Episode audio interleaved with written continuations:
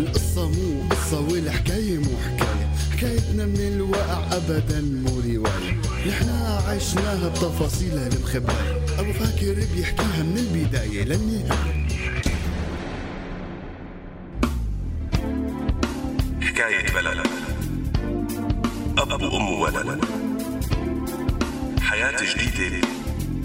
بدها تنولد حكاية سوريا الروح قبل الجسد. الروح قبل الجسد. هلا مع حكواتي السورياني. عاها راديو سورياني. خليكم معنا.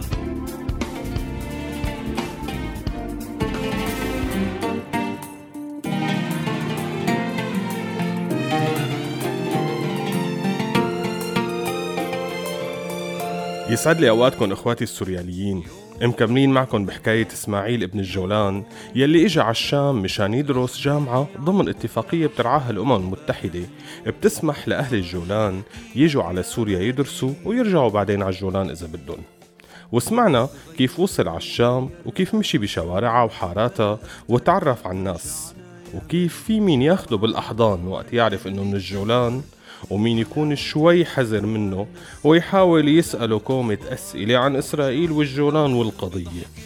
ومن هون حنكمل حكايتنا اليوم. فرستقوا لنا قعدتكم حتى تسمعوا الكمالة. كلنا سوريالي سوريالك انت اللي قادر تغير انت ابن البلد.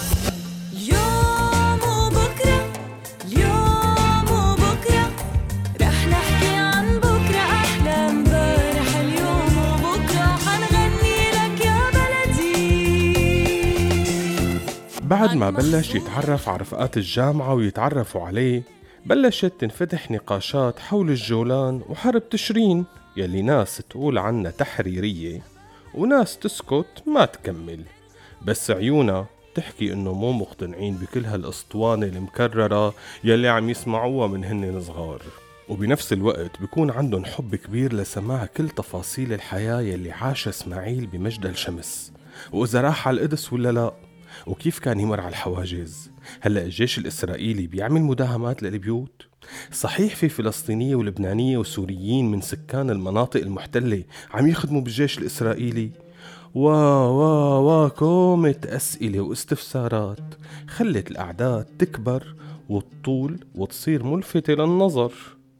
نظر شباب من الهيئة الإدارية التابعة للاتحاد الوطني لطلبة سوريا يلي خبروا مدير فرع الجامعة يلي بدوره بعت ورا إسماعيل حتى يزوره ويكسبوا على فنجان قهوة عنده بالمكتب. راح إسماعيل وشرب القهوة وهو عم يستمع لمحاضرة مدير المكتب عن أهمية التعاون الوطني بين السوريين كلهم. وكيف لازم كلياتنا نكون إيد وحدة بوش كل المؤامرات. كيف إنه البلد فيها كتير ضعاف نفوس ممكن يحاولوا يوهنوا عزيمة الأمة ويحكوا مواضيع مو مهمة. ما لازم حدا يحكي فيها. فلازم خينا إسماعيل فورا تجي وتخبرنا إذا صار والتقيت بحدا من هدول المخربين والعملاء. والأفضل الأفضل الأفضل إنك ما تفسح مجال لأي نقاش وحديث خارج كتب الجامعة. مشان ما يضيع وقتك ويتشتت تركيزك وتروح عليك السنة وترسب لا سمح الله. بلحظة ضاع إسماعيل من كتر الكلام يلي عم ينط من موضوع لموضوع فاستوقفه للزميل مدير المكتب وقال له عفوا زميل بس والله ما عدت فهمت عليك. مؤامرة شو؟ مخربين مين؟ أحاديث شو يلي ما لازم أحكيها؟ معلش تكون أوضح بالكلام حتى أعرف عن شو عم نحكي. فابتسم الزميل وقال له عن التجمعات يلي عم تعملها. النقاشات يلي عم تدور بينك وبين الشباب بالكافيتريات تجمعات؟ تجمعات شو؟ سأل إسماعيل. فرد الزميل وقال له تبع الأحاديث اللي بلا طعمة عن الجولان وإسرائيل والحدود وهالحكي هاد. استغرب إسماعيل ورد إنه الشباب عما يسألوا عن حياته عن بلده حابين يعرفوا الجولان يلي محرومين يشوفوها. فوين المشكلة؟ آها المشكلة إنه ممكن يكون في بيناتهم حدا بده يسحب منك معلومات ويعرف تفاصيل ويبعتها لعدونا الإسرائيلي. فضحك إسماعيل وقال له يعني لحظة قصدك إنه ممكن يكون في بين الطلاب جاسوس عم يشتغل لصالح إسرائيل عم يحكي معي مشان ياخد معلومات عن الجولان ومجدل شمس وعلاقتنا بالجيش الإسرائيلي ودوريات الحدود الإسرائيلية وبده يبعت هاي المعلومات للمخابرات الإسرائيلية؟ أيوة تماما رد عليه الزميل بابتسامة عريضة. فسكت إسماعيل شوي بعدين قال له ممكن تعيد ترتيب الجملة يلي قلتها براسك وتشوف قديشها مو منطقية؟ عموما. شكرا على فنجان القهوة وصلت الرسالة. قام مشي وترك الزميل بالمكتب عم يصفن بالجملة الغبية يلي انقالت. ونحن كمان حنتركه يفكر. ونروح فاصل صغير ونرجع لكم.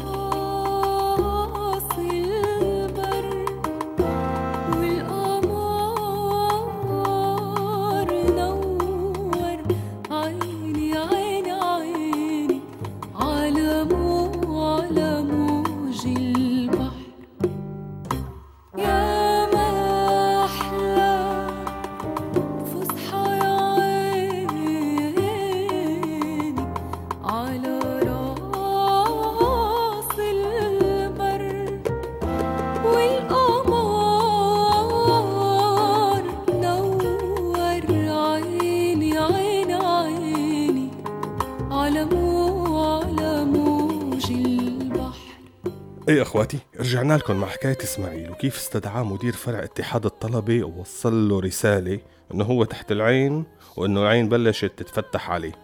ورغم غباء الحديث والكلام يلي انحكى بس إسماعيل فهم الكلام يلي بين الأسطر وعرف إنه لازم ينتبه شوي لتصرفاته ويخفف نقاشات مع الشباب. الشي يلي فورا انتبهوا له اثنين من رفقاته سامر ومرح. كانوا هدول أكتر اتنين بيحكوا معه. بيتناقشوا بقصص كتيرة. حسوا إنه في شي تغير وإنه إسماعيل ما عاد على طبيعته. ففتحوه بالموضوع وهن عم يتمشوا بحديقة الجامعة.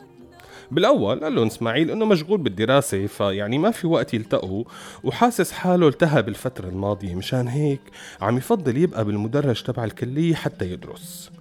فواجهه سامر بوضوح وقال له استدعوك على المكتب مو؟ تفاجأ إسماعيل فكمل سامر كلامه وقال له دائما هيك بيعملوا. بس يجوا الشباب من الجولان بيكونوا منفردين وعم يحكوا. فجأة بيبعتوا وراهم على الفرع بعدها بيرجعوا متغيرين. معلش أخي إسماعيلو ما تنزعج. نحن منقدر أنك حاسس بالغربة من كل شي عم تشوفه وتسمعه. بس نحن تعودنا. نحن رمينا على هذا الجو المخابراتي. حنتركك فترة تريح راسك وبعدها منلتقى.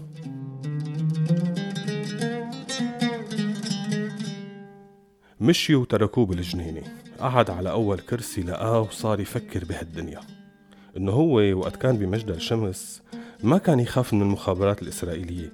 لما بدهم يتظاهروا كانوا ينزلوا على الساحات وما يهمهم. صحيح تصير اعتقالات بس كانوا يطلعوا بعد فترة. مو مثل ما عم يسمع هون عن ناس اختفت من سنين طويلة وما حدا بيعرف عنها شي. إنه شو هاد؟ مو هي بلدنا كلياتنا؟ مو هدول ولاد نفس البلد؟ شو هاد يا الله؟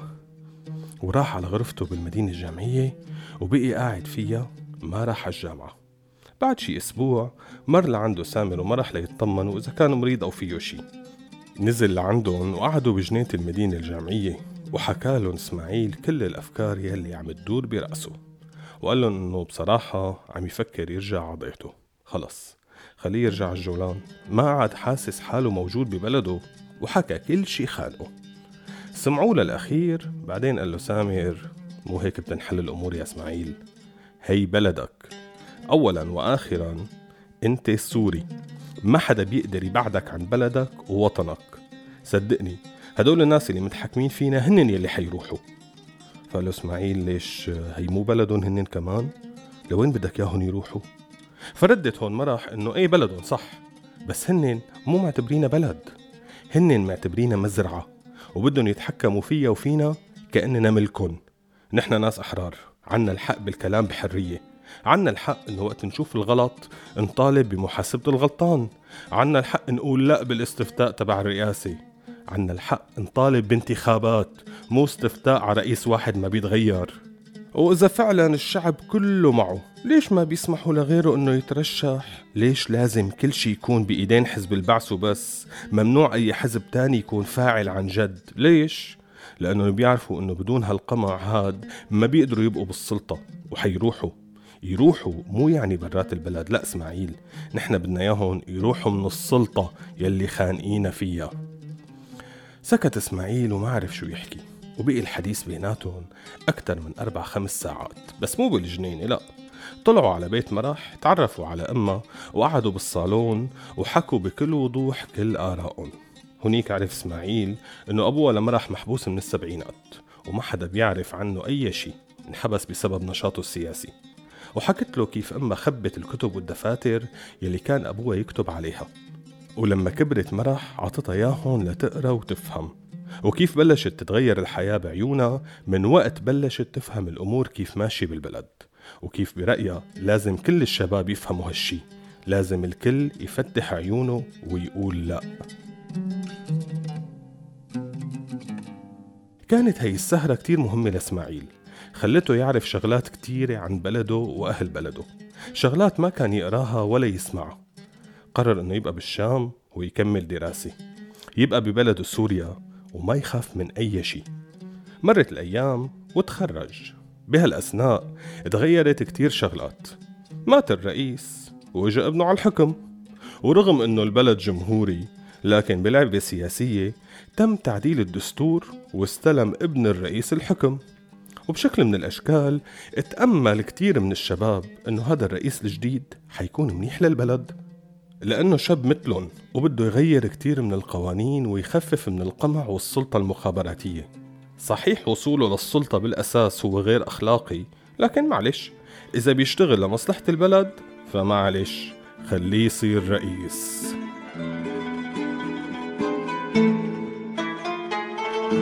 هدي يا بحر هدي طولنا بغيبتنا ودي سلامي ودي للأرض اللي ربتنا لهون بيكون خلص وقتنا لليوم.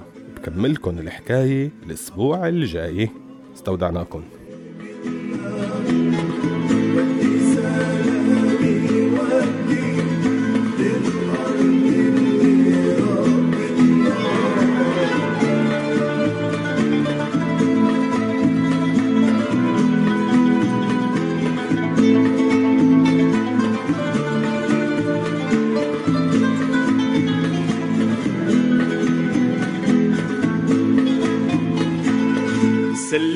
سلم سلم عبلادي تربة بيني وجدادي سلم سلم عبلادي تربة بيني وجدادي بعد الزغلول الشادي بيغرق